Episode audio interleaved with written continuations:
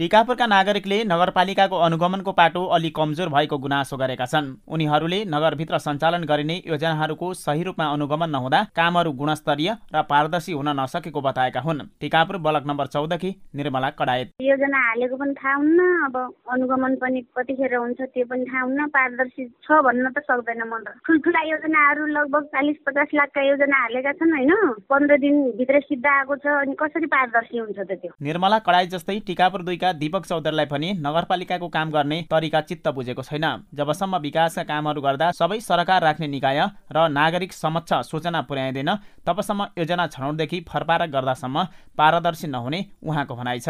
अनुगमनको पाटोहरू एकदमै फिटलो देखिएको हो। अब योजनाहरू छनौट गर्दाखेरि तपाईँको सबैलाई सूचना सम्प्रेषण गर्नु पर्यो। सूचनाको कमी कमजोरीले गर्दाखेरि पनि जुन हुनुपर्ने कुराहरू हो त्यो भइरहेको छैन। टिकापुरको विपदपुरका वीरबहादुर घरती मगरलाई भने अवस्था केही सुधारिएको जस्तो लाग्छ। काम भए पनि त्यसलाई गुणस्तरीय बनाउने काममा नगरपालिकाले खासै ध्यान नदिएको उहाँको टिप्पणी छ। कतिपय अब प्राविधिक मार्फत त्रुटि भएको अवस्था पनि छ।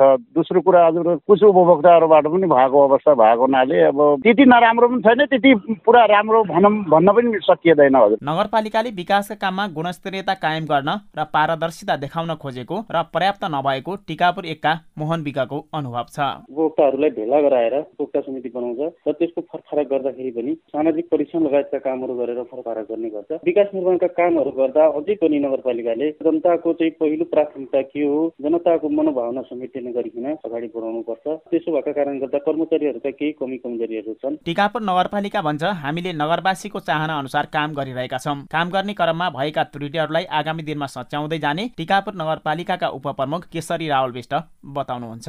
डिटेल एस्टिमेट के छ? प्राविधिकहरूको डिटेल एस्टिमेट अनुसार काम भएको छ कि भएको छैन? त्यो हेर्ने काम राम्रो नभएपछि अन द स्पोट फिल्डमै हामीले प्रतिवेदन दिन्छौँ उनीहरूलाई। तपाईँको काम राम्रो छैन सुधार गरेर ल्याउनुहोस् भनेर हामीले प्रतिवेदन दिन्छौँ। त्यो अनुरूप फेरि हामी पुनः चेक गर्छौँ। गत वर्षको पनि भएको कारणले अहिलेको पनि त्यसमा थपिएको छ। केही बजेट प्रदेशको पनि छ केही सङ्घको पनि छ होइन? त्यही हुनाले पनि अब गुनासो आउनु एकदमै राम्रो कुरा हो स्वाभाविक कुरा हो। यसलाई हामी फेरि व्यवस्थापन गरेर अगाडि बढ्नेछौँ। घर नजिकै सरकार आएको छ। जनप्रतिनिधिसँग बजेट र विकासका योजना आएका छन्। ती योजना कसरी चलिरहेका छन्। बजेट कहाँ कहाँ खर्च भइरहेको छ?